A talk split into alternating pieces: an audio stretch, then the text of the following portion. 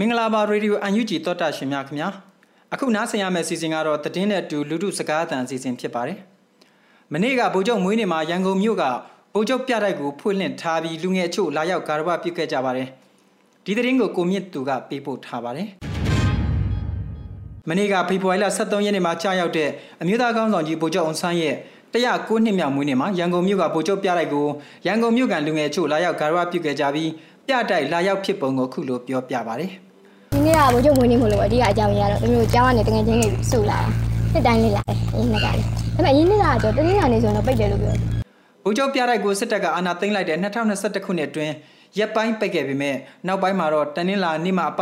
ပုံမှန်ဖွင့်လှစ်ခဲ့တယ်လို့သိရပါတယ်။မနေ့ကဗိုလ်ချုပ်မွေးနေ့မှာရန်ကုန်မြို့ရင်းပဲပြုံနံပြစတူဒီတာလှူဒန်းပွဲတွေကလေးများပျော်ပွဲရှင်ပွဲတွေတိတ်ဆိတ်ခဲ့ပြီး စီးပွားရေးအကြက်တဲနဲ့လုံခြုံရေးစိုးရင်ရတာကြောင့်ဖြစ်တယ်လို့ရန်ကုန်မြို့ကန်တူကအခုလိုသုံးသပ်ပါတယ်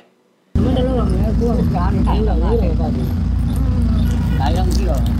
2021ခုနှစ်စစ်အာဏာသိမ်းမှုကမြန်မာပြည်လုံးမကြုံဘူးတဲ့ပျက်စီးဆုံးရှုံးမှုတွေဖြစ်လာသလိုတမျိုးသားလုံးမမေ့အပ်တဲ့အမျိုးသားခေါင်းဆောင်ကြီးဗိုလ်ချုပ်အောင်ဆန်းရဲ့မွေးနေ့မှာဂါရဝပြုအထိတ်မှတ်ပွဲတွေမရှိတော့တာကမြန်မာနိုင်ငံရဲ့အနာဂတ်ဟာစိုးရိမ်စရာကောင်းလာတယ်လို့သုံးသပ်နေကြသူတွေလည်းရှိပါတယ်။